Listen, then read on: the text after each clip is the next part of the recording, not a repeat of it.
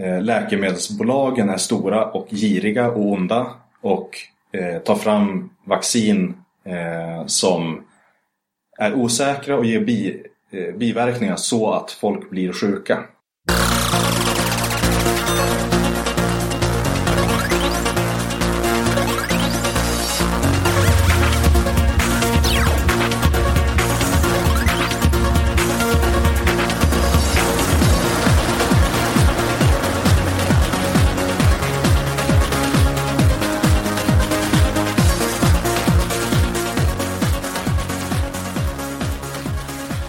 Välkommen till avsnitt 58 av podcasten Mellan svart och vitt.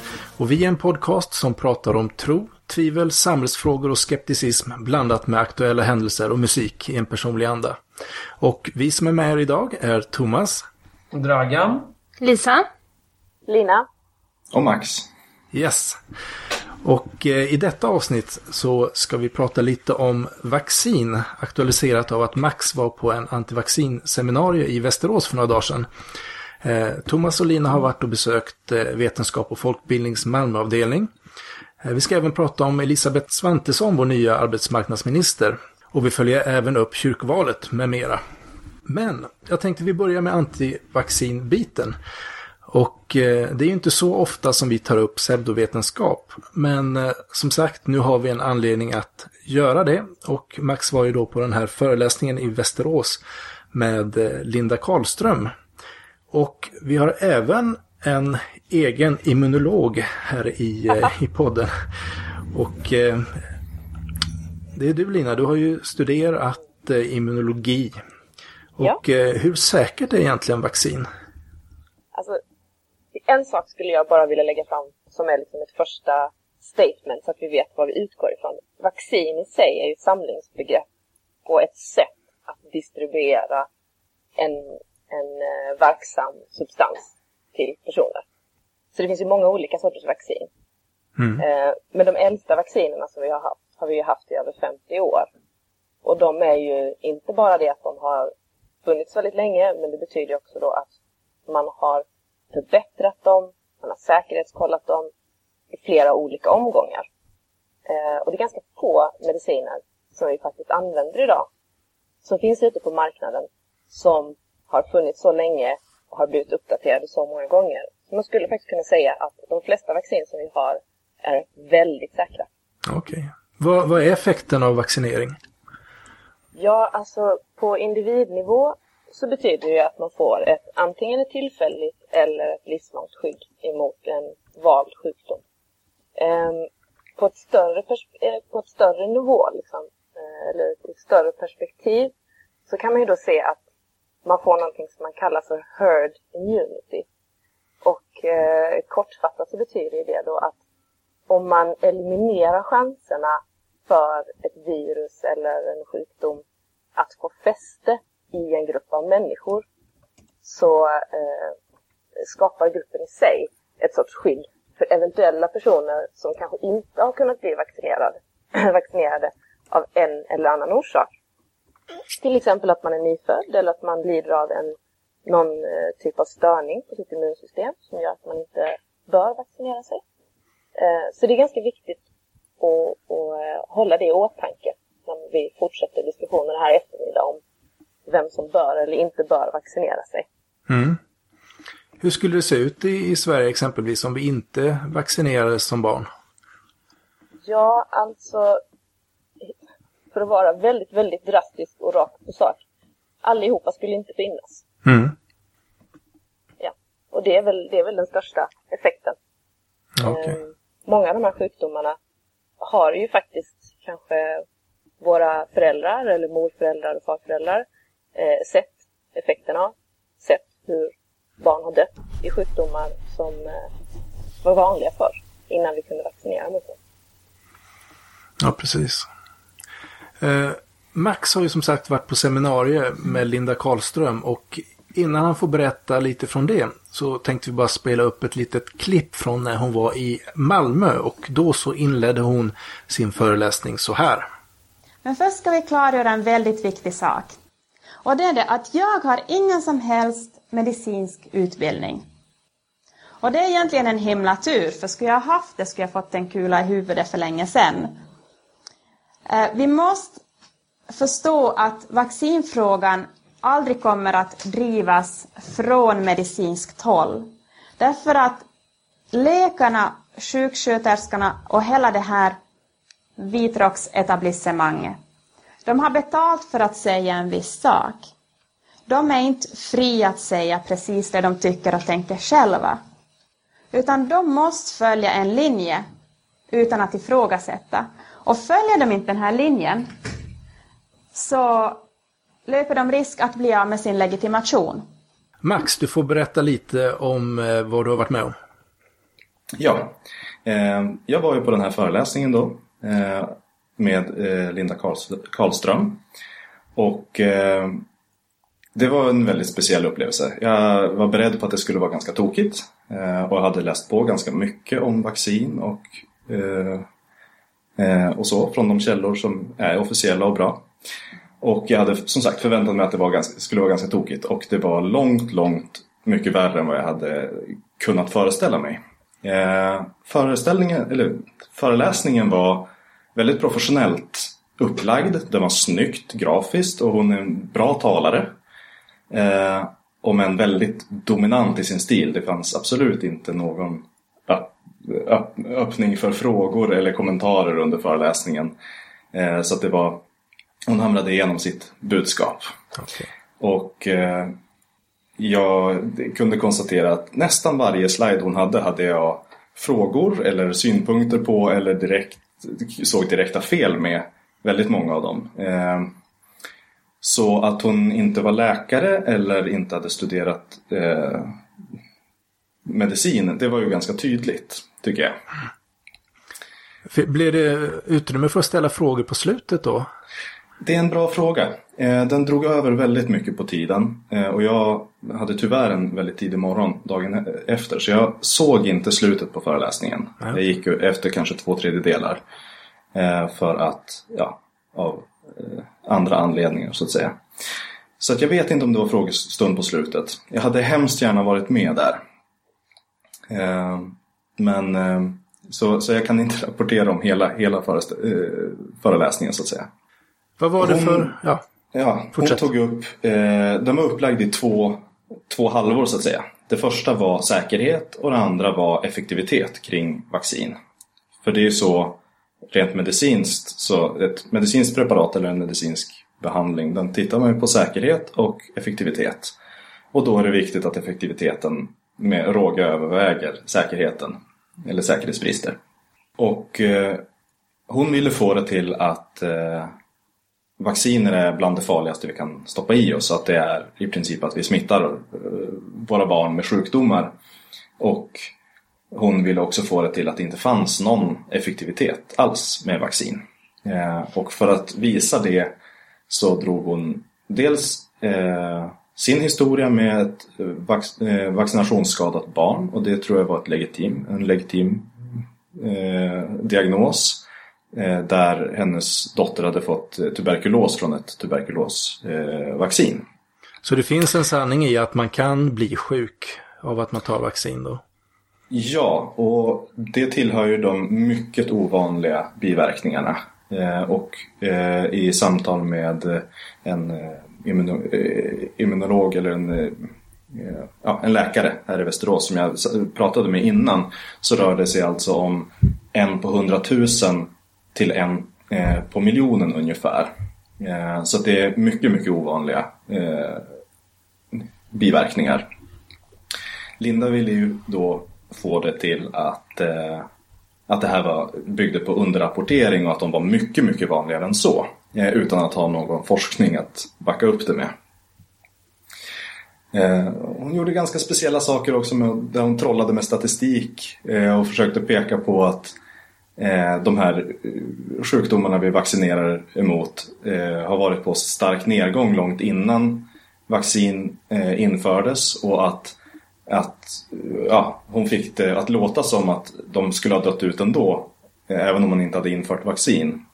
Genom att peka på att i slutet på 1800-talet så var det, om jag minns rätt, 100, eller 800 000 eh, fall per år av mässling och att eh, när vaccinet eh, infördes, hon, hon visade en, eh, en kurva över hur mycket som var kvar då.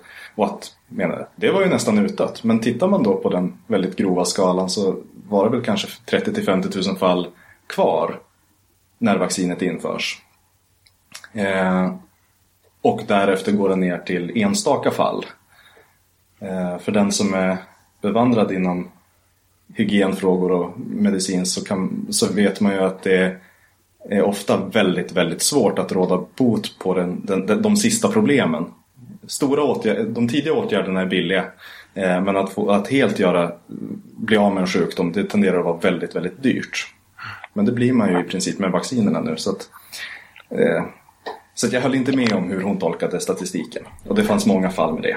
Eh, kan jag hon... få flika in en grej där som är ganska ja. intressant som du nämner eh, vad det gäller just det här med hur extremt stora vinningar eh, vaccinet faktiskt har gjort under åren.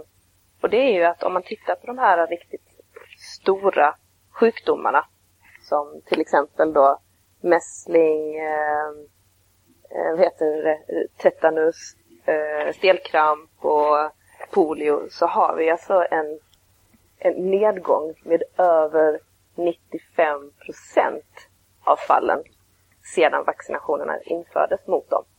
Det är så över 95 procent har liksom på ett bräde strukits bort.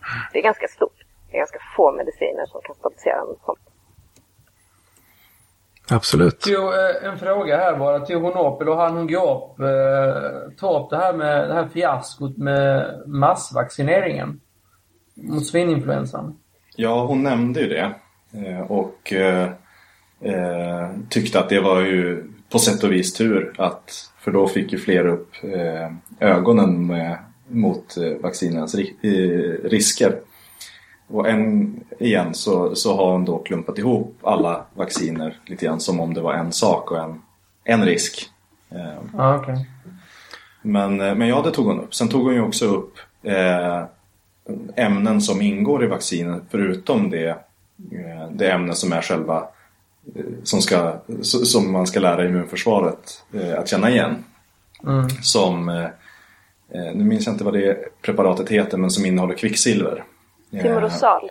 Timorosal, ja. Det eh, sa ju, det innehåller kvicksilver och det vet vi hur farligt det är och eh, pratade en massa om det. det hon inte sa var halten i en dos. Eh, nu har jag inte siffror på exakt hur mycket det är men jag har läst mig till att eh, det motsvarar ungefär att äta två till tre portioner insjöfisk. Och då pratar vi inte östersjöfisk utan insjöfisk och det är alltså väldigt måttliga halter. Så att eh, ja, även om vissa vacciner innehåller kvicksilver så är det ofantligt små mängder. Och samma sak med formaldehyd som också finns som eh, konserveringsmedel i vissa vacciner så är det också mycket, mycket små halter. Så att när man får in det i kroppen och det blandas ut med kroppsvätskorna så är det, så är det inte mätbart för höjda halter mot vad vi har eh, naturligt i kroppen. Hur mycket gick hon in på det här med de här barnen som fick den här eh, konstiga sjukdomen, nervsjukdomen, vad den hette? Narkolepsi. Narkolepsi. Ja, hon gick inte in på några eh, Eh, hon, hon, nämnde, hon, nämnde, att det hade hänt och att det var liksom... Det känns som att det är liksom viktigare att ta upp en kvicksilverhalten på något sätt. Ja, men hon hade väldigt mycket att ta upp. Det var en två och en halv timmars föreläsning och, mm. och hon drog över tiden. Så det, eh, hon hade väldigt mycket att prata om. Så det där tog hon upp som, som, en, ja, som en parentes mer. Okay. eh, märkligt. Hon gjorde också ganska underliga retoriska saker som eh, bland annat så visade hon en, eh, ett nyhetsklipp från Indien för, ja, jag skulle, om jag minns rätt var det cirka tio år sedan eh, där någonting hade gått väldigt snett med en vaccinering eh, där tre spädbarn eh, hade dött i en allergisk chock. Och eh, så då var det upprörda bilder, eller ja, upprörda föräldrar som är helt i panik och gråter.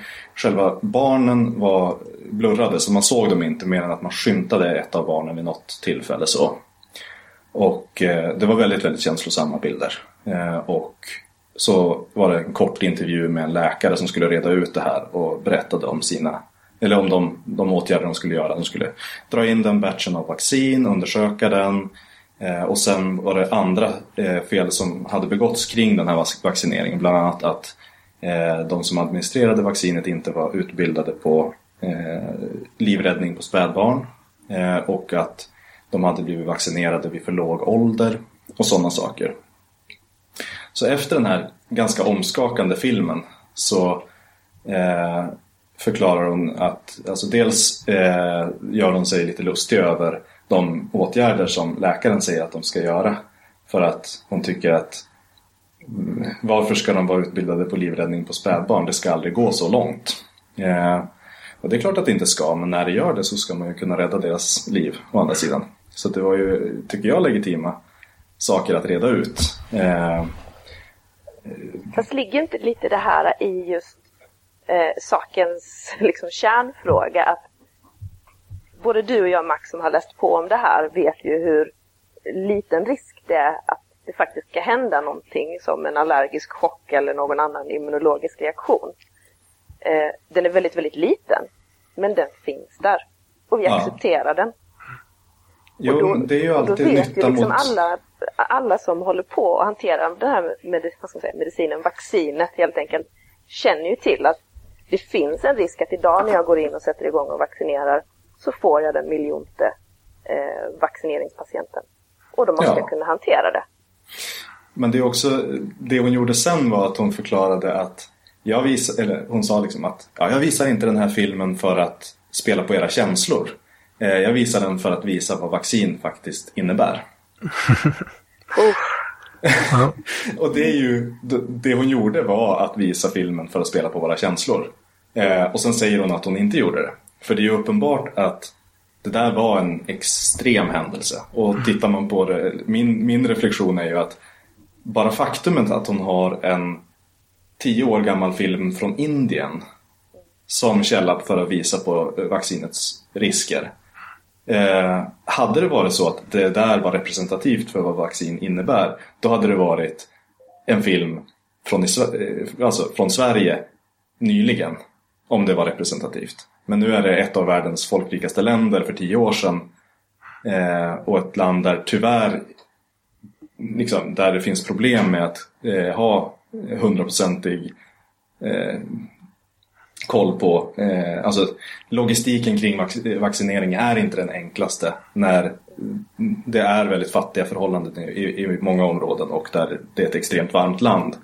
Eh, och vaccin måste hållas kallt. Så det, det finns så uppenbart stora möjligheter att det här var ett skadat vaccin, ett felaktigt vaccin. Och det finns ing, hon kunde inte plocka fram några nyheter som var mer aktuella eller närmare. Men det känns lite konspiratoriskt det här. Hur eh, det, framkom det? Det är väldigt tydligt en konspirationsteori. Där eh, hon vill göra det gällande att eh, läkemedelsbolagen är stora och giriga och onda och eh, tar fram vaccin eh, som är osäkra och ger bi, eh, biverkningar så att folk blir sjuka. Så att det, hon målar upp det som om vaccinerna är framtagna och administreras för att folk ska vara lagom sjuka så att läkemedelsbolagen kan tjäna pengar på det. Vi var inne så det, är, ja. ja. det är en tydlig konspirationsteori. Och jag tycker att då kan man lägga, då bör man ju titta på det i eh, relation till att eh, det finns många andra intressenter för vaccin än läkemedelsbolagen. Dels har vi alla världens stater i stort sett. Eh, samt alla stora välrenommerade eh, hjälporganisationer som eh, WHO, Unicef, Rädda Barnen, Läkare Utan Gränser eh, och så vidare och så vidare. Alla de eh, har ju pressade budgetar såklart för de är inte gjorda av pengar. De har väldigt noggrant kontrollarbete för att se att det de gör är effektivt så att de inte slösar pengar. Och alla har omfattande vaccinationsprogram. Det är en grundpelare i deras verksamhet. Så att den här konspirationen, den, alltså tittar man på det utifrån om man inte har köpt den rakt av så jag tycker att den faller på sin orimlighet alla gånger. Det är väldigt intressant det du säger för att jag hamnar ganska ofta i diskussion med, med äh, människor på hemmaplan här i Sverige så att säga. Eh, mest genom bekantas bekanta på Facebook och olika forum.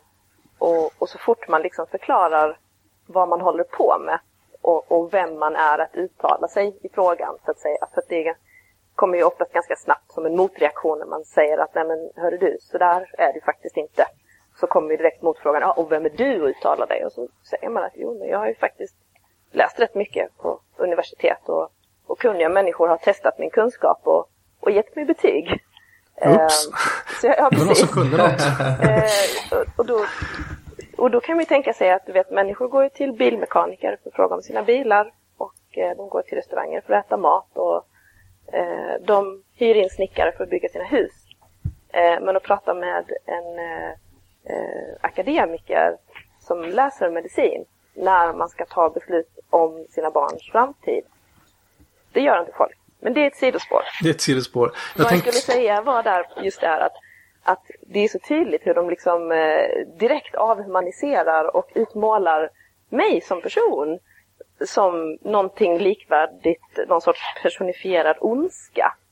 Och, och, att vi skulle liksom vara mytade och, och, och tjäna pengar personligen. Och jag kan ju bara säga det att jag bor i en tvåa på Möllan och lever på studiebidrag. Alltså, finns det en mejllista för där man kan få hova in sina mutmiljoner så får de gärna meddela mig för att eh, ibland så äter jag lite mer müsli än vad jag vill liksom. Ja, så ni är Big Pharma, ni verkar ha missat lina på er paycheck så att eh, ni kan höra av er till mellan svart och vitt eh, så, så kan vi förmedla pengarna. En annan intressant sak eh, som jag, jag gjorde ett litet experiment innan föreläsningen Eh, Eh, jag gick till deras hemsida, eh, vaccin.me. Och där finns det, ja, det är lite som en, som en blogg, eller det finns många trådar, men eh, där de lägger upp eh, olika artiklar och saker som är antivaccin. Och så finns det möjlighet att kommentera under. Och det är ett gäng kommentarer, alla är positiva. Så jag tänkte att eh, jag kanske ska testa och se om det är öppet för vem som helst att skriva här.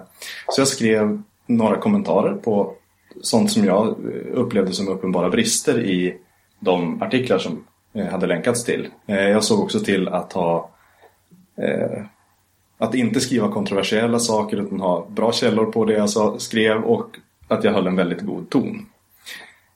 Dagen efter var allt det bortmodererat. Oh ja. Vilket tyder på att de inte är intresserade av någon form av dialog utan det är väldigt tydligt att deras eh, budskap är det enda som får synas samtidigt som de har kommentarer för att det ska se ut som att folk håller med.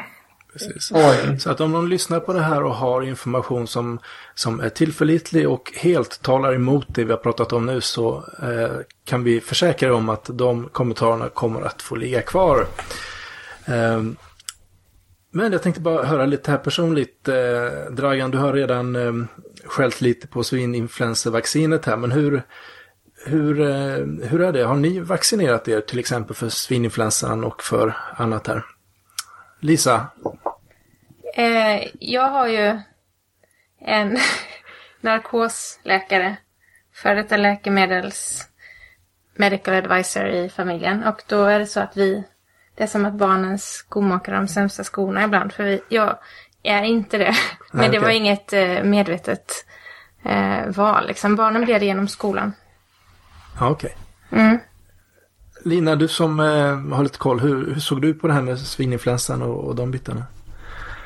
Framförallt eh. massvaccination, att man, att man behövde massvaccinera hela befolkningen. Det är intressant vad ni tycker om. Ja, men det faller ju tillbaka lite på det som jag tog upp innan, det här med, nu kan jag tyvärr inte det svenska ordet för det, men vi kallar det för herd immunity. Jag tror att, att det är gruppimmunitet på svenska. Gruppimmunitet, ja så kan det heta ja. Och, och det bygger ju då på att eh, jag eh, vaccinerar mig eh, delvis för min egen skull. Men också för att till exempel eh, mina barn, när de är så små att de inte har hunnit blivit vaccinerade än, inte ska bli sjuka. Att jag som ska vara smittbärare och att jag inte heller ska föra smittan vidare till någon annan som har ett eh, skadat immunförsvar eller på något annat sätt har en nedsatt, eh, ett nedsatt allmänt tillstånd. Det är helt korrekt, eh, så att säga, att det var därför man valde att massvaccinera. Men det var ju ett, ett fåtal länder som gjorde detta. Det var många ja. som valde så att säga att endast vaccinera riskgrupper. Så att säga. Eh, alltså därför... och, och, och, det var anledningen till det var att just då var det, var, ansågs ju även bland många läkare att eh, vac eh, det här vaccinet var inte tillräckligt beprövat för en massvaccinering av den graden. Precis. Eh, ja, det, det, är lite på gott och ont det där. Eh, nu har jag faktiskt inte varit insatt i det här och kanske så vet Max mer inside info än vad jag vet. Men däremot så, så kan jag säga att eh, när det kommer till det här med massvaccineringar och ta stora grepp och agera snabbt och ligga i framkanten. Så är Sverige ganska duktiga på det där. Eh, Fast här det... blev det ju inte något bra resultat om man säger så. Men det är väl inte alltid man kan veta det på förhand. Eh, Nej. Jag hörde Nej. någon som, som jag hörde på radio som sa så här att ja nu i efterhand kanske man kan säga att, att det inte var nödvändigt. Men med den informationen som vi hade då så var det det bästa beslutet. Eh, hörde jag. Ja, det, är intressanta, det är intressanta och även, jag läste det faktiskt på Dagens Medicin. Det var en liten artikel där, om ni har sett det. Och där var det folk som var, eller de skrev det att de här läkarna då som var skeptiska till, eh, till massvaccineringen. Det blev i princip munkavel på dem. De fick bara uttala sig om de själva skulle vaccinera sig. Är det Oj. någonting ni har hört? Det har jag inte hört någonting om. Jag har inga mm. källor på det. Jag kan Däremot... försöka googla fram den artikeln. ja, men gör det. För det är intressant. Men alltså, jag ja, menar, det är väl ingen... Det, det är väl liksom, alltså... Det är ju klart att det är ett extremt politiskt beslut eh, ja. någonstans. Liksom. Man kan, mm. Jag kan ju sitta här och säga på låg nivå som inte har någonting att säga till om att, att eh, utifrån vad man visste då så, så gjorde ju folk sitt bästa för att eh, rädda så många människoliv som möjligt. Mm. Eh, men så här i efterhand så det finns säkert en massa, vet inte, maktpolitiska motsättningar, människor som inte gillar varandra och uttalar sig hit och dit. Mm. Eh, så som det är inom alla branscher och, och, och tillfällen då, då, där det finns makt och intressen. Liksom. Mm. Mm. Men det är, det är inte helt osäkert att det inte finns liksom någon sorts maktpositioneringsstrid där heller. Liksom. Mm. Men det är en väldigt komplex fråga om Eh, det här. Det var eh, väldigt, väldigt många som vaccinerade sig. Det var ja tyvärr eh, ett gäng personer då som eh, drabbades av en ganska allvarlig biverkning. Men det är fortfarande en mycket ovanlig biverkning så det är väldigt få i, jämfört, i jämförelse med hur många som vaccinerades. Så det är den ena sidan. Eh, det är fortfarande tragiskt att det hände och det är självklart någonting som eh, ja, läkemedelsbolagen som jobbar med de här vaccinerna har eh, tagit till sig och eh, försöker lära sig av. Eh, men det är också så att hade vi inte vaccinerat i den omfattningen så, fann, så fanns det ju en överhängande risk att eller överhängande, det fanns en risk att en väldigt allvarlig influensa skulle spridas i väldigt stor Nej, omfattning. Nej, det, det var det det inte fanns. Nej, i, i, av den informationen vi hade innan så ja, fanns alltså, det den risken. Ja, fast den var ju väldigt liten. Men vi ska, vi ska inte fastna i, i ditten och datten här. Eh, vi tog nog vaccinationen hela familjen tror jag. Eh, har, har, vi andra? Eh, det är det här med HPV-vaccinering för, för, eh, för kvinnor. Eller för tjejer. Har, har det varit aktuellt för din äldsta dotter än Lisa? Mm, det har de eh, tagit i skolan nu när de gick i, i sexan. Okay. Man fick hem då att föräldrar skulle eh, godkänna och därför fick man det gratis genom skolan. Eh, så det har hon tagit. Ja, Okej. Okay. Jag, jag, såg på, på Facebook så hade jag någon gammal, eh, ja, i någon parallellklass från grundskolan som skrev något sånt där. Ja, fy fan, nu är man lurad igen. Eh, och sånt där. Och sen länkar hon till någon artikel på vaccin.me om den här HPV-vaccineringen. Um, ja, Ja, och jag, för det har också sett så de där artiklar länkar om att det här hjälper egentligen inte och man vet egentligen inte. Eller vad var det? Men... Eh, Men det är väl det, alltså det som jag har läst om HPV. Det är ju just det att vaccinerna som kommer ut gäller bara på vissa strängar. Man, man kan kalla det strängar eller linjer eh, av HPV-viruset. För jag tror att det finns uppemot en 20 stycken olika. Ja, just det. Och det vaccinet som har kommit ut, eh, det, det går bara på typ 3-4 av dem. Men det går på 3-4 av dem som klassas som de mer aggressiva. Så även om du inte har ett hundraprocentigt skydd mot att någonsin få HPV eller få följden av HPV så har du ändå betydligt bättre dina chanser för framtiden för att inte få livmoderscancer. En annan intressant det- sak med... Så det är inte liksom, det är inte, allting är inte svart och vitt. Vi ligger, i, och eh, ibland så kan det ju faktiskt vara så att eh, det ena är lite bättre än det andra. Eh, och där kommer vi in på en sån här sak som är väldigt vanlig eh, bland föräldrar till barn inför vaccinering. Och det är det att man väljer att inte göra någonting och vara passiv istället för att göra någonting som skulle kunna kanske bidra till att man utsätter sitt barn för en risk. Och det låter ju logiskt om man inte sätter in ordet vaccin och om man inte sätter in vilka ofantliga hälsovinster vi har fått med att faktiskt vaccinera våra barn i flera, flera år nu här i Sverige. Jag kan meddela att jag har hittat den här fantastiska artikeln på Dagens Medicin som jag har stoppat in i dokumentet ifall ni är intresserade. En annan intressant sak med HPV-vaccinet, eh, om man ska tro Steven Novella från Skeptics Guide to the Universe, att eh, eh, enligt studier som har följt upp vaccineringen i USA så har det, förutom att, ja, att det troligen har eh, motverkar eh, de här allvarliga livmoderhalscancergenererande eh, virussträngarna så har också eh, kondylom och andra virussjukdomar som är närbesläktade gått ner eh, kraftigt i omfattning. Och de ser man ju eh, mycket snabbare effekt med eh, för att eh, de tar inte lika lång tid på sig att, att utveckla sjukdom så att säga. Så att där har man sett så att det finns andra nyttor med vaccinet än bara mot livmoderhalscancer. Nej, men vi såg mycket riktigt som du sa Dragan att, ehm, att det var läkare i Norrbotten som, som då att om en patient frågade vad de, om de var emot va- massvaccinationen så fick de inte säga att de var det. Däremot fick de säga om de själva skulle vaccineras eller inte. När jag läste den artikeln, då tog jag mitt beslut att jag inte skulle vaccinera mig. Så kan jag säga. Eh, Men det sa inte du innan att du inte hade gjort. Du, ni svarade inte. Nej, jag fick ju aldrig tillfälle att svara på det. Men eh, nu, nu, gjorde, nu gjorde jag det. Vaccinerade du dig Max då? Eh, det gjorde jag inte. Eh, men det var inte ett medvetet val eh, egentligen. Eller det var ett väldigt passivt val. För jag... Eh, det var mitt i sommaren när det var aktuellt om jag minns rätt. Och vi hade en oerhört eh, intensiv arbetsperiod med ungdomslive ute på en liten idyllisk sommarö. Så jag var mer eller mindre frånkopplad från världen. Både nyhetsflödet och Eh, och de här frågorna. Och jag var, hade då inte ännu engagerat mig i skeptikerrörelsen och i vaccinationsfrågor och så. Så att det var... Jag missade det mer eller mindre. Då. Eh, det var tokigt men, eh, men det var, jag gjorde inte direkt ett val utan jag bara hängde inte med riktigt.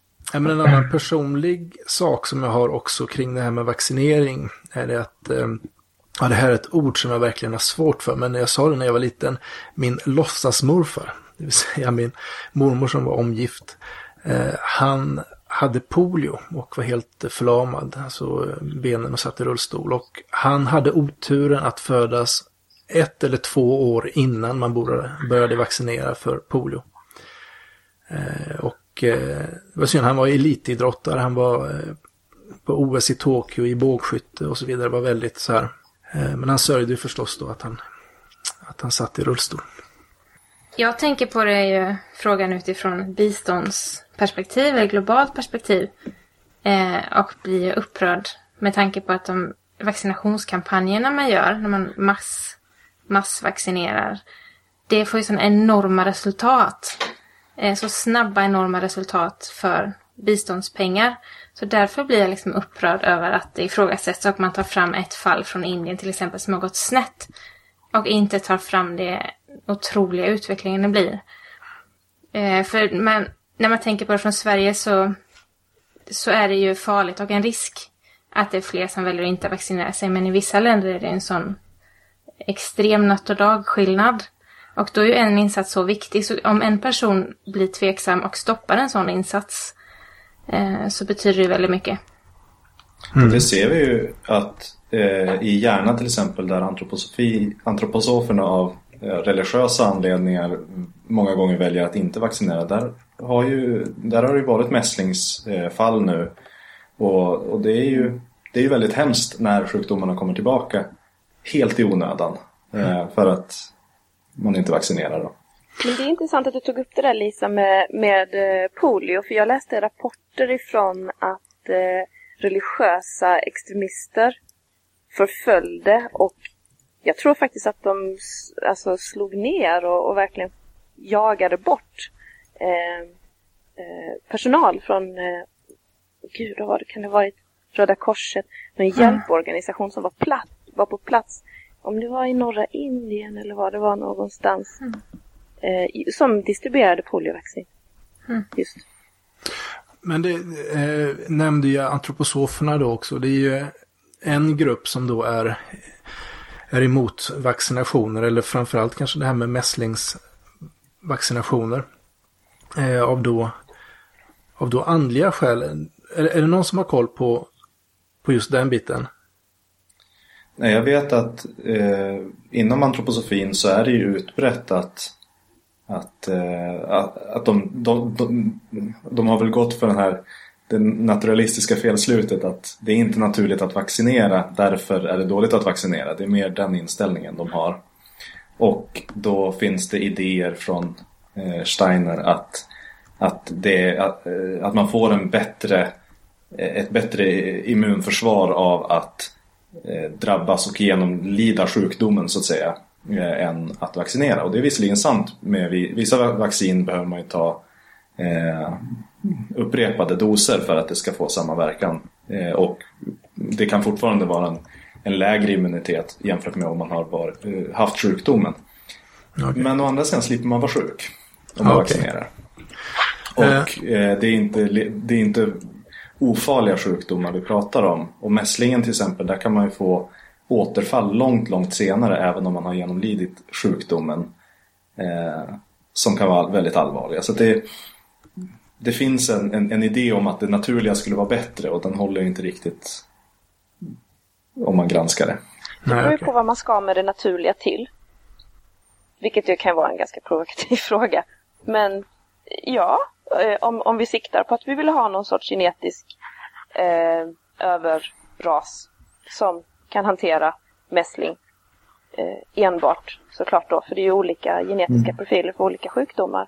Eh, då, då är ju att inte vaccinera mot mässling det absolut bästa. Men det är ju just kostnaden eh, för det som är så enormt motbjudande. Alla människor som ska lida och kanske till och med dö då för att vi ska få fram de här fåtal personerna som har en naturlig immunitet jag läser det är väl kanske här... det som vi inte skriver under på. Jag läser här från en sida om antroposofi att sjukdomen är således ett medel i den reinkarnerade människans andliga utveckling mot större fulländning. Så kan det vara. Men det känns ju lite som att många rörelser har, vad ska man säga, fiender. Som, eh, och om man ser antroposoferna och en del av new age-rörelsen har, har då kanske det här med vaccin och läkare. Ehm, och eh, vi har ju tidigare pratat om det här med kreationism och skapelsetro. Och där finns ju en tro ibland att, att det är en konspiration bland vetenskapsmännen då att, eh, kring evolutionen. Och eh, andra exempel är väl även då scientologikyrkan som har ett ont öga till psykiatrikerna och eh, menar att de förstör oss på olika sätt de, med, de här antidepressiva medlen och eh, mycket annat. Um, är det någon som har tankar kring det där? Ja, ja, min tanke är ju när det gäller religiös utveckling att eh, det är klart att de motsätter sig eh, psykologer för att de konkurrerar med eh, andra teorier om samma saker som de själva jobbar med. Eh, så det är väldigt Det löser många problem om man kan ta avstånd ifrån eh, psyko psykologi till exempel som scientolog. Eh, för att börjar deras medlemmar gå hos psykologer så tjänar de inte längre pengar eller tappar eh, medlemmar ur sin verksamhet. Vilket gör att det är naturligt för dem att, att bygga in det i sin lära. Att de är onda och gör dåliga saker. Mm. Ja, precis. Jag tror vi får hålla eh, vaccinationssamtalet eh, här. Men eh, vi får se om vi, vi pratar med någon antivaccinationsperson eh, så småningom. Vi får se om vi ger oss in på antroposoferna lite närmare eller någonting annat. Men det var intressant att höra och eh, tack Max och tack Lina för er eh, kunskap och information. Ja, tack så Jag mycket. tänkte vi kan fortsätta medan vi är kvar här också. Jag och, eh, jag och Lina var ju och besökte VOFs Skåneavdelning. Yes! Yes, och det var ju trevligt, eller hur? Ja! Wow, vilka diskussioner! Ja, precis. Så att det var väl ett gäng på, vad kan det ha varit, en 15 personer som träffades på Bishops Arms i Malmö. Och eh, det var en samling där det berättades en del från eh, skeptikerkongressen uppe i Stockholm. Eh, som även Lisa var eh, lite grann på. Och eh, det hade varit en mässa i, i Malmö om, ja vad hette den egentligen? Det var en sån Ja. alternativmedicinmässa i alla fall som, hade, som jag hade missat.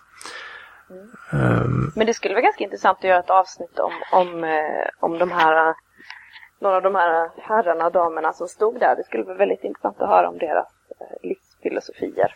jo, precis. Det var ju speciellt någon, eh, någon med någon trumma där. Vad var det för Ja. någonting? Ja, det var ju en person som eh, då påstod sig besitta shamaniska kunskaper var det va? Mm. Förutom att eh, personen var reseförmedlare också. Just det. Eh, Resa och shamanism eh, i Ja, ett precis. liksom. Jo, eh, det gäller att ha många strängar på sin lyra. Ja, precis. Eh, den här personen skulle alltså då, eh, beroende lite på vilken sjukdom du hade, ställa sig bakom dig och trumma på.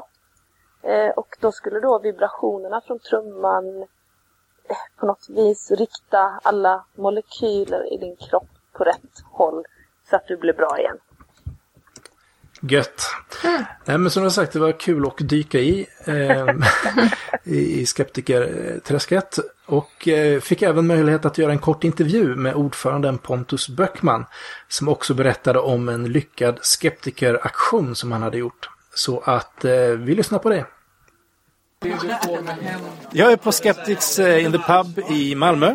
Och är här med Pontus Böckman som Eh, du är väl inblandad i VOFs Skåneavdelning va? Ja, jag är ordförande i lokalavdelningen till VOF som bildades nu i, i maj faktiskt. Okej.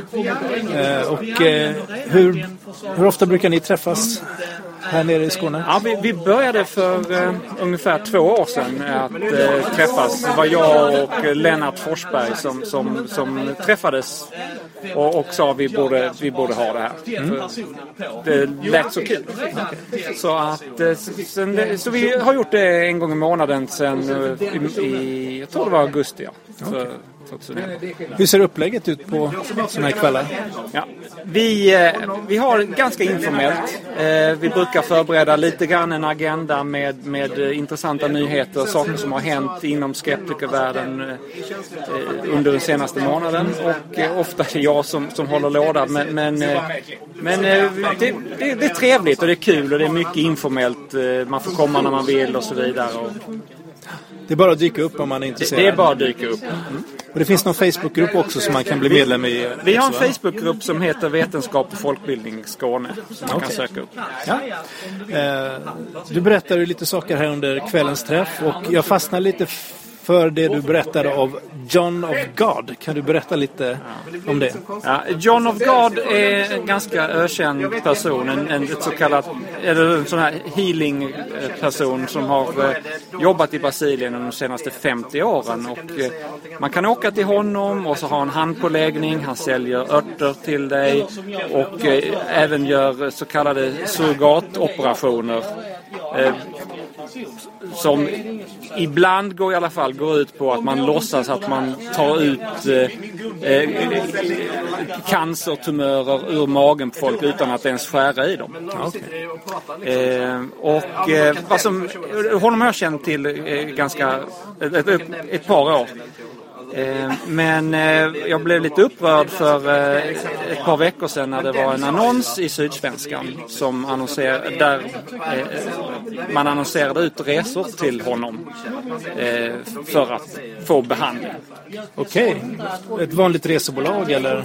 Ja, det är ett resebolag som heter Big Travel som har sitt huvudkontor här i Malmö. Och det, var, det var en helsidesannons med många olika resmål och ett av dem var då till John. Vad gjorde du då? Jo, för jag, jag tänkte jag skulle först kontakta eh, Big Travel och, och fråga om de visste vad det var för något resmål som de annonserade ut. För att det, är det det var tydligt så här att det här är någonting de förmedlar, det är ingenting som de själva arrangerar. Eh, men det var svårt att få kontakt med dem, ärligt talat. Eh, eh så istället vände jag mig först till Sydsvenskan och frågade om de kände något ansvar för eh, annonsinnehåll som, på annonser som de tar in. Ehm, och hade en dialog med dem. Så småningom så hittade jag en, en, en fungerande mailadress till Big Travel också. Ehm, och eh, sa till dem att varför vi tycker det här var ett väldigt olämpligt resmål. Eh, om de verkligen visste vad det var de sålde för produkt. Mm. Eh, och eh, svar, jag fick ju svar både från Sydsvenskan och från Big Travel och de sa i princip att eh, de lägger sig inte i vad folk tror. Utan eh, om folk tror att det här fungerar så, så är det ju inte deras problem.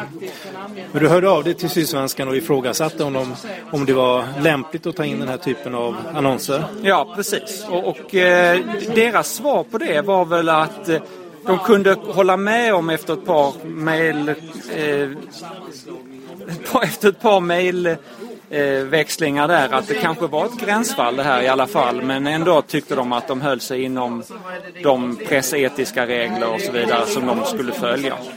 Ehm, Big Travel hade de hade samma åsikt om att, att man får tro vad man vill och det ska man inte lägga sig i. Och om, om, eh, de, de menade att det hotade folks, eller demokratin om man inte får lov att tro vad man vill. Men, men på vetenskap och folkbildning så är det så att vi respekterar folks rätt att tro vad de vill. Folk får faktiskt lov att tro vad de vill. Men man får inte lov att utnyttja folks eh, tro för att tjäna pengar. Och det är det vi vänder oss mot. Och det är det vi menar att framförallt Big Travel har gjort och i viss mån även Sydsvenskan som valde att ta in annonsen. Och du skrev en insändare också. Jag skrev en insändare om det här eh, eh, till Sydsvenskan som de inte ville ta in. Varför inte då? Nej, de sa att den skulle eh, då drabba eh, en tredje part. Den skulle vara förödande för en tredje part, det vill säga Big Travel. Och de hade inte resurser att analysera om jag hade rätt i mina påståenden eller inte.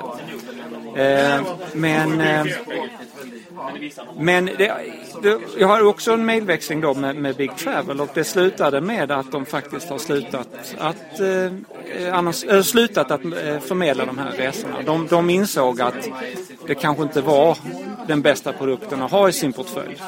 Och att uppmärksamheten om den här produkten förmodligen skulle skada dem mer än vad de tjänar på, på, på den här eh, verksamheten. Så det kan löna sig att reagera när man ser någonting som eh, verkar tokigt. eh, Så. Ja, jag kan, kan jag citera min, min dotter som fick höra om detta sen och hon sa när jag hade berättat detta vid middagsbordet så sa hon Yes, you can change the world. och det, det var kanske en överdrift men det kändes ändå rätt bra. Okej, så det var en liten skeptisk solskenshistoria från eh, de sydliga breddgraderna här i, i Sverige? Ja. Okej, tack så mycket. Sådär ja. Eh, det var kul att eh, höra att det går att påverka om man hittar eh, dumheter helt enkelt som man inte tycker borde spridas i, i media. Eh, och eh, jag vet att jag säkert gör ett självmål när jag säger sådana här saker eftersom med min kristna bakgrund och det finns de som har synpunkter på det men jag säger det i alla fall. Eh, vissa saker är dummare än annat eh, kanske. Eh, vad var det? Kvalitetsindex på flum eller vad vi har pratat om. Det som jag inte tyckte funkade, men okej, okay, men, men, i alla fall Pontus har varit eh, så vänlig att även eh, skicka över kopior på mejlkorrespondensen och eh, insändaren som han skrev till Sydsvenskan. Och vi länkar till det i våra show notes. Jag måste säga att jag blev så inspirerad så att jag numera faktiskt är medlem i VAS. Du har redan blivit det? Ja, ja. Oh ja. All jag, right. är jag är redo för nästa gång. Okej. Okay. Huka er, nu laddar hon om.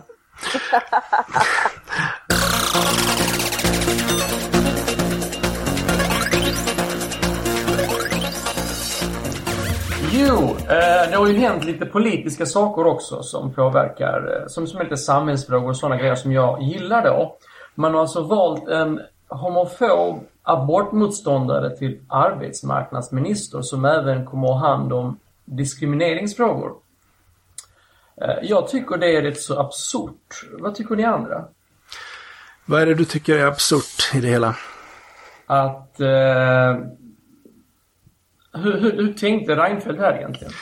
Hur alltså någonstans, Moderaterna här nej, men någonstans så måste han väl tänkt att det här är en bra, kunnig, vettig person att ha på den här posten. Det måste han väl tänkt. Någonstans. Men det, ja, okej. Okay. Men alltså, vad är det för signaler man vill sända ut när man tar en, en, en sån här person och, och, och, lägger honom som, eller henne som, eh, ja, i princip blir hon ju diskrimineringsminister också. Alltså hon kommer ju ha hand om HBTQ-frågor. Nej, men, hon är inte diskrimineringsombudsmannen, nej, men, men hon blir hennes chef va? Ja, precis. Eh, ja. ja, då kommer hon ha inflytande över de frågorna. Men en sak som jag är väldigt trött på överhuvudtaget och det, det är hur alla politiker behandlas som ska komma fram på olika positioner. Bara för de här dreven sätter igång och är det inte det ena så är det det andra om, man, eh, om det är tv-avgifter eller sånt. Så att jag tycker att det här fokuset på allting annat utom just deras kompetens är rätt så tröttsamt. Eh, och jag tycker att när man följer den här diskussionen som har varit så tycker jag att det är många politiska och livsåskådningsmässiga motståndare som passar på att plocka billiga poänger. Eh, plocka billiga poänger? Det ja. här är ju högst befogat. Alltså, du, ja, har en kvinna, men... du har en kvinna som har varit med i Livets Ord. Ja. När Livets Ord blev lite mellanmjölk så gick hon över till något extremt kristet center i Örebro som arbetar mot mänskliga rättigheter. Och det hela blir ju inte bättre, alltså när man då... Alltså, har ni hört talas vet ni vad Kristet Center står för? Vad de har hållit på med? Ja, men jag vet med, vad Kristet Center med... Örebro är för någonting. Det är en trosförsamling i Örebro. Ja. Och eh, trosrörelsen i Sverige är ju nära förknippad med eh, Livets Ord. Ja. Eh, men fr frågan, vad jag vill ställa först är, är, ju frågan så här. Eh, en person då med Svantessons eh, bakgrund och visst hon är medlem i den här församlingen. Vad hon exakt har för åsikter har du egentligen ingen aning om. Utan du, du märker ju henne med epitet som till exempel homofob i det här fallet. Ja, det gör, det gör jag med all rätt. Eh, partilinjen eh, från Moderaterna ja. var ja till den frågan om homoäktenskap. Hon la ner sin röst. Ja, hon la ner sin röst, ja. Ja, varför gjorde hon det? Blir hon automatiskt homofob om hon lägger ner sin röst och tycker att... Hon har varit med i Livets Ord. Ja, hon du... är med i Kristet Center ja, som håller på här, och liksom... Alltså, om jag har läst rätt så var hennes åsikt att hon tyckte att samfunden själva skulle välja om de ville viga homosexuella. Det var inte så att hon inte tyckte att homosexuella eh, skulle kunna viga Nej, sig överhuvudtaget. När den frågan kom upp la hon ner sin röst. Det tycker jag säger en hel del. Och att hon sen ska ha hand om och ansvara för HBTQ-frågor, det är ju löjligt. Det måste ja, men... du väl ändå hålla med om? Men vad har hon gjort ja. innan då? Är det någon som vet vad... Ja, alltså det hon har gjort direkt innan. Det hon gjort direkt innan hon fick den här posten. Det var att hon var ordförande för arbetsmarknadsutskottet i riksdagen. Det är det hon har gjort närmast. Så hon har en bakgrund som liksom är relevant för ja. utnämningen? Hon är dessutom den, mm. den som är högst utbildad inom det här området. Hon har en licentiatexamen i, i ekonomi. Har eh, unkna idéer. Det, man, man bör inte tillsätta en person med unkna idéer bara för att man är bra men, på en viss grej. Hitler var en jättebra talare men han hade ju unkna idéer i övrigt. Liksom. Ja. Men, men, men sen Dragan, också Dragan, eh, så, så är det så här också att inom Moderaterna där finns gott om HBT-personer där runt om, omkring det hela. Så att om hon skulle varit en sån fruktansvärd person som hade en sån här agenda, tror du inte de skulle puttat ut henne innan dess? Vet inte. Jag är väldigt förvånad över hur man kan överhuvudtaget ta fram den här med, med mörkerkvinnan överhuvudtaget. Jag fattar inte. Skulle hon kunna få sitta i riksdagen? Jag tycker det är jätteviktigt att inte eh, förutsätta att människor ska ha varit perfekta hela sitt liv. Och jag känner henne inte. Eh, jag vet att hon har haft unkna idéer. Det är mycket möjligt att hon har en del unkna idéer. Kanske. Eh, men jag vet inte det. Hennes och, eh, aktioner visar ju klart och tydligt att hon har väldigt unkna idéer. Alltså men... man, man, är inte med i kristet center om man har en sund uh, människosyn. Ja men det vet inte du överhuvudtaget. Ja, men jag vet vad kristet center står för för jag har läst ja, om du... dem. Har du läst om dem? Ja, jag har läst om dem. Det ja, kanske till och med så att jag känner... Det men då vet du att de inte har en sund människosyn? Det är kanske till och med så att jag känner någon som äh, går där. Hon är uppvuxen okay. i Missionsförbundet. Hennes pappa var pastor. Ja. Hennes bror är, är pastor i, eh, i, i Örebro kristna center. Um, det är ju så här, jag frågar, skulle hon kunna sitta i riksdagen tycker du? Får en sån Nej, människa jag, sitta jag i riksdagen? Tycker, jag tycker inte det. Men vi har, alltså, vi har all rätt. Men egentligen, det är bra att Moderaterna satt dit henne. Det är jättebra. För att nu har man ju all chans att rösta ner det här skitet. Skulle en muslim eller en jude kunna vara arbetsmarknadsminister? Alltså en troende muslim eller jude, skulle de kunna vara arbetsmarknadsminister i Sverige?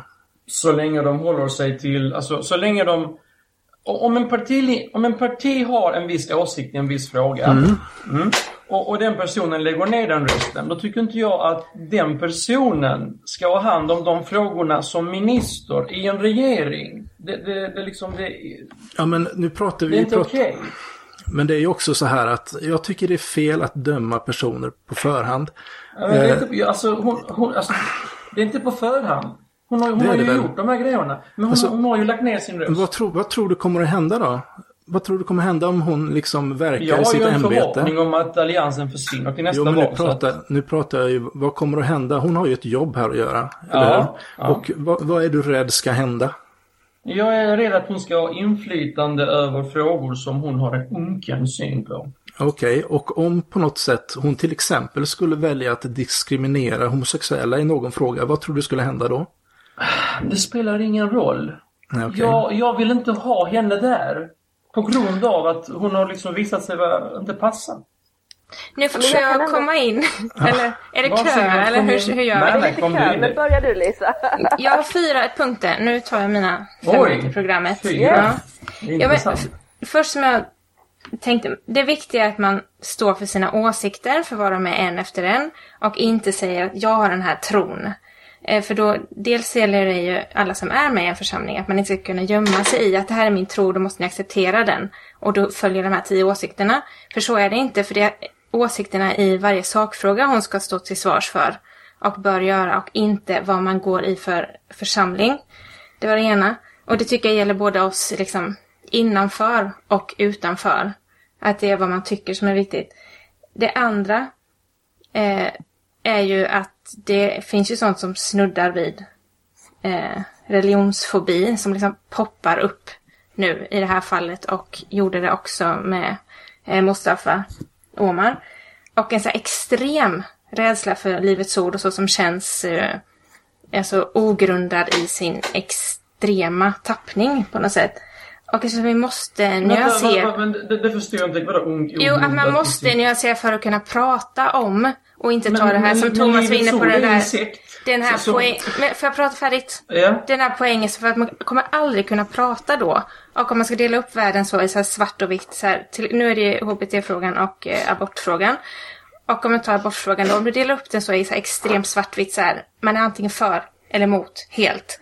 Då kan man aldrig prata om det som är viktigt. Man kan aldrig prata om eh, datum, eh, vilka gränser ska det finnas, hur, hur pratar man om tonårsaborter, hur kan man motverka, hur ska man se till att kvinnor alltid får det bra, hur hjälper man de som mår dåligt, hur hjälper man så att alla ska kunna få välja fritt.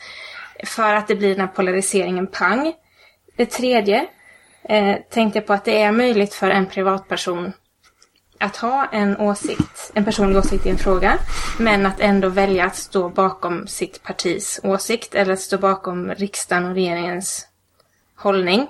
Och att det är säkert många som gör det eh, utan att vi vet det i olika frågor och för att så jobbar man ju också som politiker. Men, och den sista då, som jag tänker är att i ett uppdrag så måste man ta tag i de frågorna och åsikterna som rör den posten man ska ha. Alltså titta på vad tycker man och vad har man för kompetens, vad har man för bakgrund. Och i det här fallet då kunna motivera varför det är viktigt, hur hon tycker om aborter. Och det känner jag att det kanske det inte alls är. Däremot när det kommer till HBT-frågan då motivera varför det är viktigt att hon inte har den posten. Och det kanske, eller det kan jag se, att det blir problem kanske ur diskrimineringsperspektiv. Eftersom Tack. hon är på det departementet. Eh, så, stopp. Men där är det ju relevant att ställa frågor till henne. Jag tycker, ja. inte, jag tycker definitivt att man kan ifrågasätta och ställa frågor. Men just när man redan har bestämt sig från början hur det är. Det vänder jag mig emot. Jag tycker definitivt att, man, att det finns frågor kring hur hon ser kring diskriminerings och homosexuella vad gäller den tjänsten hon ska ha. Eh, när det gäller abortfrågan så har hon till exempel sagt så här då eh, att jag har lärt mig genom åren att saker och ting inte är svart och vitt. Abortfrågan är väldigt komplex, men den är inte svart eller vit. Det var den för mig när jag var yngre, men jag har suttit i riksdagen i sju år och står bakom svensk abortlagstiftning. Hon sagt kring det. Va? Ja, men det är lite det. Lina? Det är lite så jag också tänkte när du pratade lite, för jag håller med dig helt där. Eh, ja, hon kommer från en religiös gren av kristendomen som kanske inte är liksom den mest eh, den mest eh, en sekt. den vanliga, precis. Eh, men man får också inte glömma att minister är inte ett ensam party. Nej. Eh, det vill säga att hon kan inte bara gå in och ta posten och sen eh, lägga om hela arbetet på departementet och styra allting i Sverige som hon har liksom inte lilla inflytande över mot sina egna värderingar utan att ta hänsyn till en massa annan lagstiftning, en massa andra medarbetare, vad hennes eget parti har beslutat att de ska driva för frågor, vad regeringen och riksdag tillsammans beslutar. Så att hon är, hon är liksom inte helt fri att gå loss hur som helst. Det är inte det, det, är inte det jag alltså, är emot, utan jag är emot självaste att man Nej, sätter men, dit en sån olämplig ja, person. Ja, ja, ja. jag förstår vad du menar. Men hon har ju faktiskt också lite hängslen och livrem. I det att hon kan inte, hon kan såklart ha vilka åsikter hon vill. Men hon kan inte heller liksom införa en massa förändringar hur som helst utan att ha liksom en viss förankring och legitimitet bakom de besluten. Men jag kan å andra sidan förstå hur du tänker Dragan. Därför att sådana saker som till exempel den här järnrörsskandalen mm. som Sver Sverigedemokraterna höll på med. Ja. Det som gjorde mig mest förbannad, det var egentligen inte det här att vi hade eh, ett gäng rasister på gatorna som sprang runt och var fulla av idioter. För det har vi haft länge. Det är, inte, det är liksom inget nytt. Men att de faktiskt är representanter mm. för någon. Precis. Och gör eh, tvivelaktiga saker och mm. fortsätta vara representanter. Men mm. min skillnad mellan Svantesson och järnrörsskandalen det är att hon har ju faktiskt inte haft en järnrörsskandal än. Tycker du inte det är en skandal att vara med i Kristet Center? Nej, jag ser det de, som ett de, de, håller, Alltså de håller ju på med exorcism alltså. Djävulsutdrivning. Ja. Är, inte det pinsamt? Det kan, det kan man tycka vad som helst om. Alltså, Personligen så tycker jag, skulle jag nog tycka att det var lite pinsamt att hålla alltså, på med alltså, det. Men kristet center anser, men vänta, det, liksom. kristet center anser att homosexualitet är en synd. De anser att hbtq-personer har drabbats av en ond ande eller demon som kan drivas ut. Alltså, det där är för mig... Och hon är med där. Och hon, hon ska ha hand om hbtq-frågor liksom. Alltså, hallå? Sen är det också, är det jag vet inte om jag läste eh, att eh, det var en kille som heter Isak Feron som var med i Kristet Center i Örebro innan. Han är homosexuell och eh, lämnade församlingen. Och eh, han har uttalat sig lite kring det här och han, han säger bland annat så här att Elisabeth Svantesson är inte någon homofob. En homofob bör rimligen besitta extrem aversion gentemot homosexuella och det stämmer inte alls in på Elisabeth. Hon har inte visat någon avsmak gentemot mig och jag har inte känt av eh, alltså ska jag säga något så här, snarare värme och ett starkt politiskt engagemang som jag beundrar. Trots mm. min egen vänsterorientering. Eh, mm. Alltså... Jag tycker det är viktigt också att tänka på att det finns många anledningar att vara kvar i en organisation. Eh, även om man gick med för att man delade organisationens alla värderingar kanske så kan man fortfarande vara kvar i, en, eh, i ett samfund eller en organisation av olika anledningar. Dels kanske för att man känner väldigt många och gillar den gemenskapen även om man inte, inte längre delar alla deras värderingar. Och man kan också vara kvar med en vilja att förändra en organisation. Så att det, bara, för att man, bara för att hon fortfarande är medlem i det samfundet så betyder det inte att hon står bakom alla åsikterna fortfarande. Eftersom, eftersom hon la ner sin röst på en sån fråga så är det ett bevis på att hon fortfarande har de här unkna idéerna som Kristet Center står för. Så att där hon, har ju, hon har ju bevisat Men när var det? Vilket år var det, vilket år var det här Dragan? Ja, när var det? Det var för något år Två år sedan, vad var det? Jag tror det var 2009, men alltså... Ja. Alltså jag kan ju på sitt sätt förstå att när de har den här synen som de har i Kristet eh, Center Örebro, eh, som jag inte delar, vilket du också vet, så kan jag förstå om hon inte vill att de ska vara tvingade från staten att utföra eh, vigslar eh, i sin församling. Eh, och, det är inte det vi pratar om nu, jo. Det, ja. Men det, det, är inte det jo, vi pratar om. det är det vi pratar nej, om i det nej, fallet. Nej, vi, vi, pratar om om hon är emot eller för eh, vigselrätt för homosexuella. Det var det vi pratade om. Det var den rösten hon la ner. Eh, ska se om jag har den framme här, just själva den. Eh, hon var för registrerat partnerskap men mot att det skulle heta äktenskap. Det var det man röstade för för fyra det var, det, man röstade för för fyra år sedan. Ja, det är som SD, eh, eller KD och, nu eh, tycker ju inte jag att det är rätt. Och jag står för den linjen som är i Sverige och som regeringen vill driva. Men i ett globalt perspektiv. Alla i, i världen som inte tycker som svenska regeringen i den här frågan. Än, kan man väl säga, mm. om man hoppas. Mm. Eh, kan vi inte lägga ut på våra sociala medier och masshata en och en en vecka var. Ja, men de är inte ministrar. Vi pratar om en minister här alltså. Ja, men fattar du vad jag menar om, om själva frågan? Nej, det var det. Men i alla fall, um, vad tänkte jag säga här? Och det roliga är ju det här, det, eller roliga roliga, jag är inte jätteförtjust i att, uh, ja, jag får säga att, att det blir fler Livets ordare i riksdagen eller något sånt där. Men jag tycker, jag tycker det är ett stort övertramp i just den här frågan när det gäller eh, ja, det drevet som har varit. Jag tänker att det, man har fått eh, blodsmak i munnen och man har inte brytt sig om riktigt vad som har eh, kommit fram heller. Helt plötsligt så, så blir det, kommer det antisemitism in för att man har hittat att, att det har varit någon som har varit där och pratat och som har uttalat sig antisemitiskt i en frikyrka där just vad ska man säga, kärleken till Israel och det judiska folket är, är ju någonting som man nästan blir trött på ibland. Mm.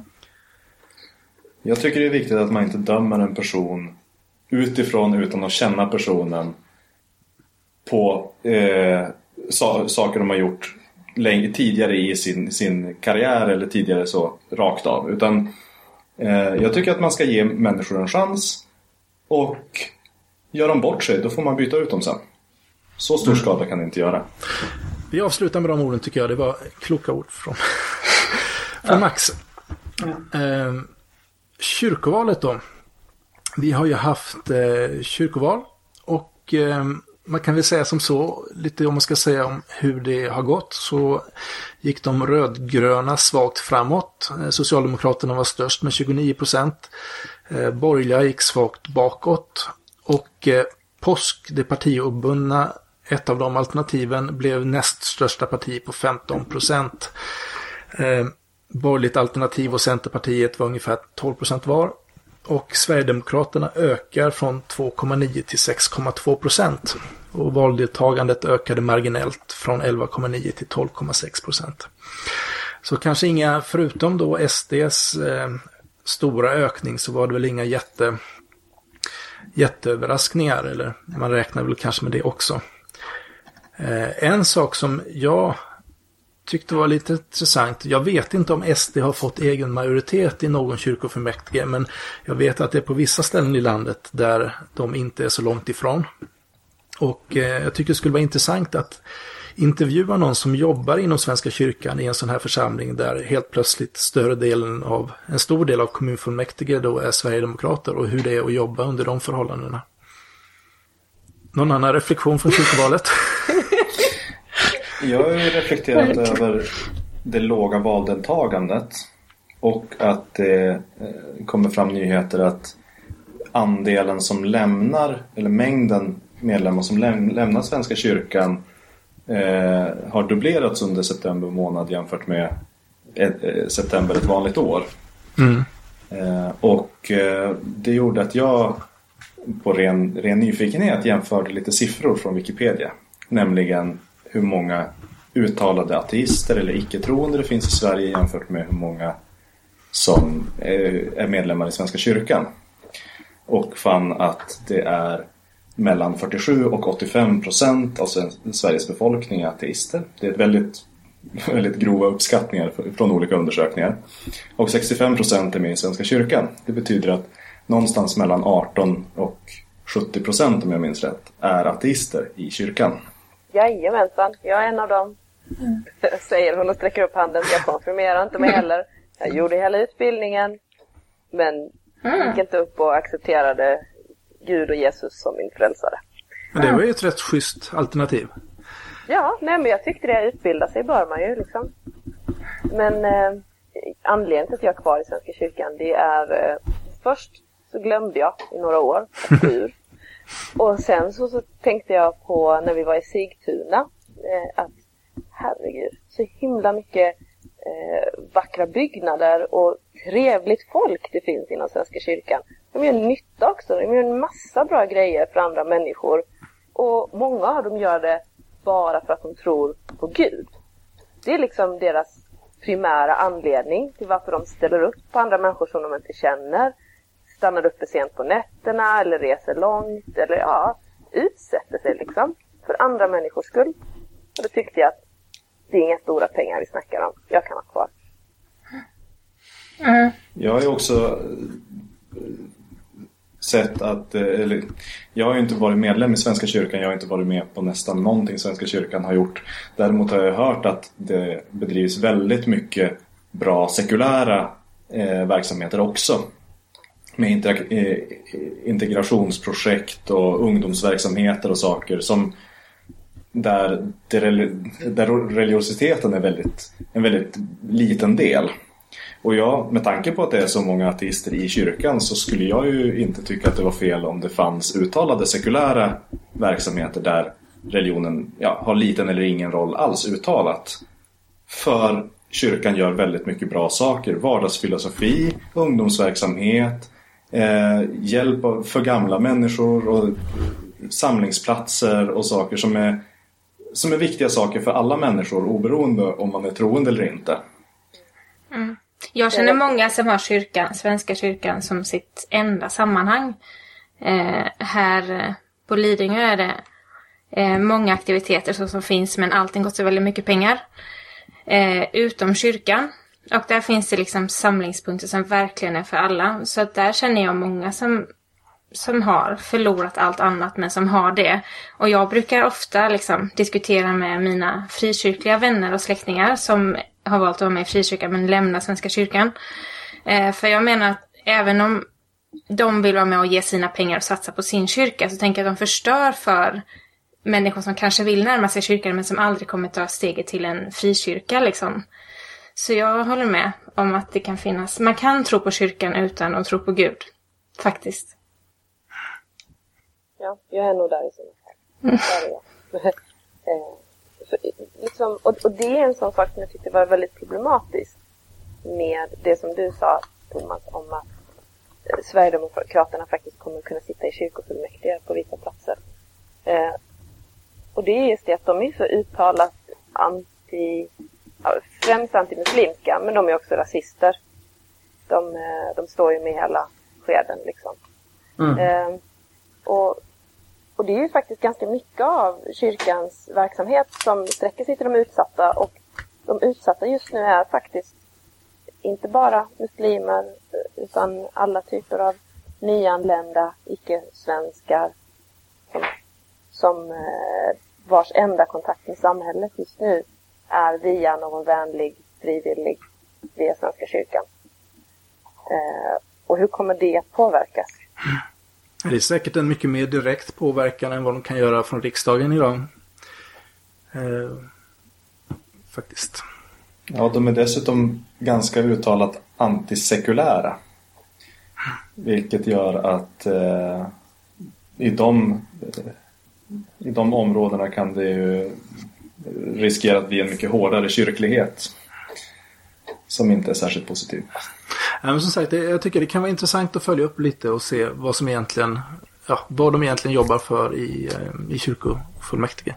Tycker jag är lite spännande. Men vi kör väl, vi går över till att köra ett musikinslag. Dragan, vad har du på gång? Jo, eh, nu tänkte jag spela en väldigt passande låt. Eh, speciellt nu när vi har tagit upp det här med den här eh, homofoba abortmotståndaren. Och eh, vart Moderaterna är på väg. Och jag tror de är på väg eh, sådär back to the roots liksom. När, när de var mot allmän rösträtt eller vad det nu var för någonting. Så jag tänkte faktiskt spela låten Back to the roots för Moderaterna. Och jag hoppas att folk tar sitt sunda förnuft och röstar bort den här jävla alliansen. Back to the roots of the culture.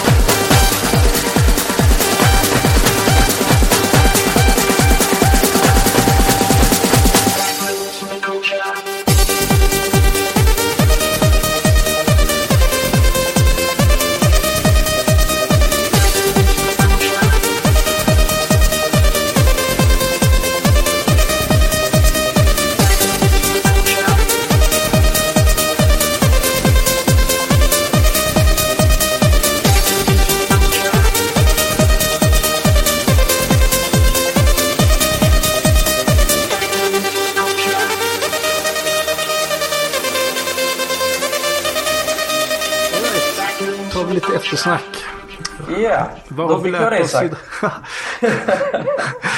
Vad har vi lärt oss i dagens avsnitt? Jag har i alla fall lärt mig en hel del mer om det här med vaccin och så. Inte minst. Uh, och... Jag har lärt mig vad jag ska rösta på. Av dagen. Åh, oh, vad bra! Jag lyckades med en. Yes. Fast du sa inte vilket parti. Ja, fast jag sa ju att rösta bort alliansen så innebär... Ja. Ja, men, ja, men då, då har jag lyckats. Jag är glad. Mm, säg sen vilket parti vi ska rösta på. Ja, vilket parti kommer du rösta på, Lisa? Vad konstig vändning. Det här Miljöpartiet kommer jag rösta ja, på. Ja, nej men det, det är helt okej. Ja, vi har en Vittsjöpojke i ledningen där jag är uppvuxen. Det är mm. Fridolin. Bygdens ja, stolthet. Det. Ja. det är våra hemma, hemmahoods. Jo. Absolut. Har du lärt dig någonting Dragan? Ja då, jag har lärt mig lite grann om eh, antivaccin faktiskt. Ja. Och eh, ja, hur, hur, vissa, hur vissa kan uttrycka sig. Okej. Okay. Vad tänker här, du då på? Nej, jag tänker på den här fantastiska föreläsningen som Max pratade om. Mm. Att, det var, att det var en person som typ, ja, inte hade sådär jättemycket koll men ändå hade mycket att säga. Mm. Det var mm. intressant. Det vet ju vi alla tre annars, det kan man ha. ja, vi håller kanske till och med för... Hur många var, Max, hur många var det på det här föredraget? Det är lite svårt, eller jag räknade inte. Eh, men jag skulle tippa på någonstans mellan 50 och 100 personer. Ja men då håller vi ju föredrag för många fler Thomas, eller hur? Nej, men sen var det väl lite roligt, det var eh, en och annan skeptiker där. Jag vet ju också att eh, CJ från Skeptikerpodden var där och även spelade in föreläsningen. Och har lagt ut den inspelningen också. Eh, vi kan ju länka dit för er som är intresserade. Um, jag tänkte, hur var det att vara med i ett helt avsnitt här om Max och Lina? Det nästan så det inte var planerat att du skulle vara med hela, men det blev så i alla fall. ja, det var jätteroligt. Det var skitkul. Uh, jag måste säga att en sak som jag verkligen inte hade tänkt på innan, förmodligen för att jag var så partisk, men det är just de här strukturerna inom antivaxrörelsen, hur otroligt tydliga de är. Det finns verkligen den goda antivaxaren och den onda Big Pharma och mm. liksom kriget mellan gott och ont där. Det är ganska intressant. Lite bibliskt över det hela kan man säga. Ja men visst är det det Dragan, det är lite så. Ja, det är det. Ja. ja, det är väldigt dogmatiskt mm. och det är en väldigt utstuderad retorik. Kan man väl säga. Mm. Max, jag tycker det var svårt att få ett, ett ord i, eh, när vi gick igång här på Svantesson. Jag kan vara hård ibland. Ja, det är ju värt att diskutera. Det, ja. Och så får vi se. Hon kanske gör bort sig. Då kanske Dragan hade rätt. Jag vet inte. Alltså jag skiter egentligen om hon gör bort sig. Jag, alltså, det här är bara ännu en, ett bevis på att alliansen inte håller. De tar, de tar fram unkna personer, eller personer med unkna åsikter. Så att det är bättre att rösta bort skiten. Så tänker jag liksom. Mycket bättre med sossarna och vänster som bara har personer som inte har unkna mm. åsikter. Ja, inte, inte när det gäller mänskliga rättigheter som är en så grundläggande rättighet för människor på den här jordklotet. Right. Men det var allt för den här eh, veckan. Tack för att ni är med oss. Och eh, vi syns nästa vecka. Så ha det riktigt bra. Hej då! Hej då! Ha det fint! Hej då! Och klippte gjorde Marcus Försén. Tack! Du har lyssnat på podcasten Mellan svart och vitt. Vi finns på iTunes och på www.mellansvartovitt.se där du även kan kommentera avsnitten. Följ vår Facebook-sida och vårt Twitterkonto som heter svart vitt. Vi andra har Twitterkonton Thomas Schoberg, Draganist, Tant Erik och Lisa Emilia A. Vår jingel är gjord av Dragans band The Lounge.